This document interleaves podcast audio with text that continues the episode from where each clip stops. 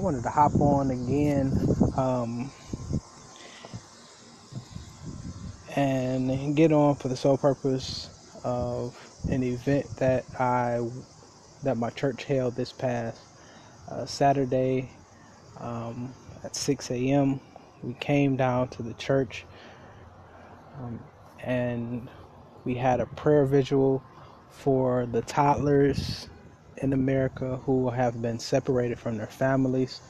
Um, so I'm asking everybody who would, who are spiritual, who believe in God, um, if you would pray, send your positive thoughts to God, to those families, um, because it's a it's a travesty to turn on the news and to see children locked in cages as though they were animals.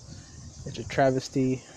It's devastating disheartening to look at the news and to see children stand before magistrates, stand before the judge, and have to represent themselves. They had no lawyers, no attorneys. Some of those children didn't even know what law was. As the judge asked them, "Hey, do you have a lawyer?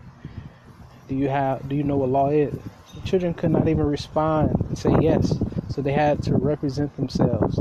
It's a, it's disheartening in America to know that children are being separated from their mothers and their fathers. I couldn't imagine being ripped away, ripped out of the arms of my mother as she's been deported into another country. And I believe that in the spiritual realm, some of these things take place and the church has to speak up. Believers have to speak up because it is Christian to send out calls for justice. A great African American activist, Martin Luther King, said, A man that has not found anything to die for isn't fit to live. Injustice anywhere is just injustice everywhere that as Christians, as believers, as those who claim to follow Christ, we can't claim to love, but yet we enforce laws and policies that separate children from families, mothers from their seeds. it's so heart wrenching to see such a thing. To know that families are divided.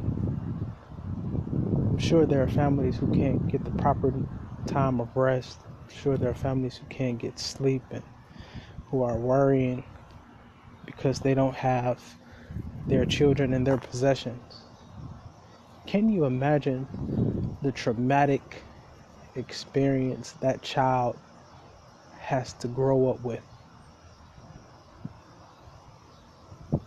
To know that the land in which they live in, by the same hand, has come and held them captive. But I hear God's prophet Amos saying, Let justice roll like rivers and the righteous as mighty streams. That we have to understand that the same God that is orchestrating is the same God that can harmonize and bring families back together. And as Christians, as citizens of America, we must stand together. There should this is not the time to divide and conquer. No, this is the time to unify and stand together in the heart of justice so that we can see children come back to their parents, so that we can see families restored, we can see lives revitalized, and that we can see the land healed. It hurts me to turn on the news and see children being locked away in cages. It hurts me to see mothers and fathers being deported back to where they come from. I talked to somebody the other day, and I had to challenge him because he he opened he gave me another perspective, but yet uh, being inhumane is a is evil. But what he was saying is that um, immigrants that come over into the land um, pretty much cause a pose a threat to those working citizens and those citizens that are already here in America who have who have their lifestyles as citizens come from other countries and take jobs and but I understand where he's coming from. And he opened my eyes to a new perspective but evil is evil. I don't think we can afford to further separate and divide but this is the time where we stand together and we stand for justice and we stand in love and mercy and we petition ourselves as brother and sister. This is not a black against white thing. This is this is not a black and brown people against all other. No, this is one of those moments where we need to stand together in harmony and we need to cause root policies to shift.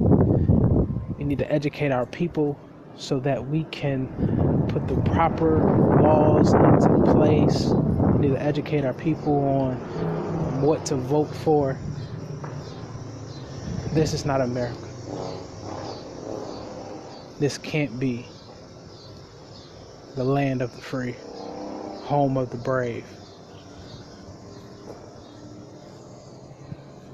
Yes, we know what history is.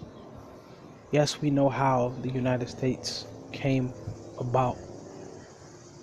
But I think we have to fight for where we are now and begin to achieve for what we hope America to be tomorrow. That we can walk in unity with our brother and sister, not looking at the color of skin, but looking at each other's character, being people of integrity and honor and dignity. And that we can walk in unity and love and march in justice. And that we hug our children, our nieces, our nephews a little tighter. Because although our children are not locked away, our children are not being separated from us. Who knows? I never would have thought in my 20 plus years of existence would I see the day where children are being put inside of cages like dogs and bears. But yet this day has surfaced, which means you can't put anything past anybody now. That we need to be appreciative and grateful and loving on our own. Who's to say the day will come where somebody knocks on your door, tries to take your child, tries to separate you from your family? We need to stand together. If you're a believer, pray. If not, send your positive thoughts. Because there are families who have not been restored. Some families have been reunited with one another, but there are still some families who suffer and still have not been reunited with their loved ones. So we're praying for those families. We're hoping for the best. We are trusting that justice will prevail and that God will stand tall in this dark time. All right, y'all be good. Tune in. To see you next time.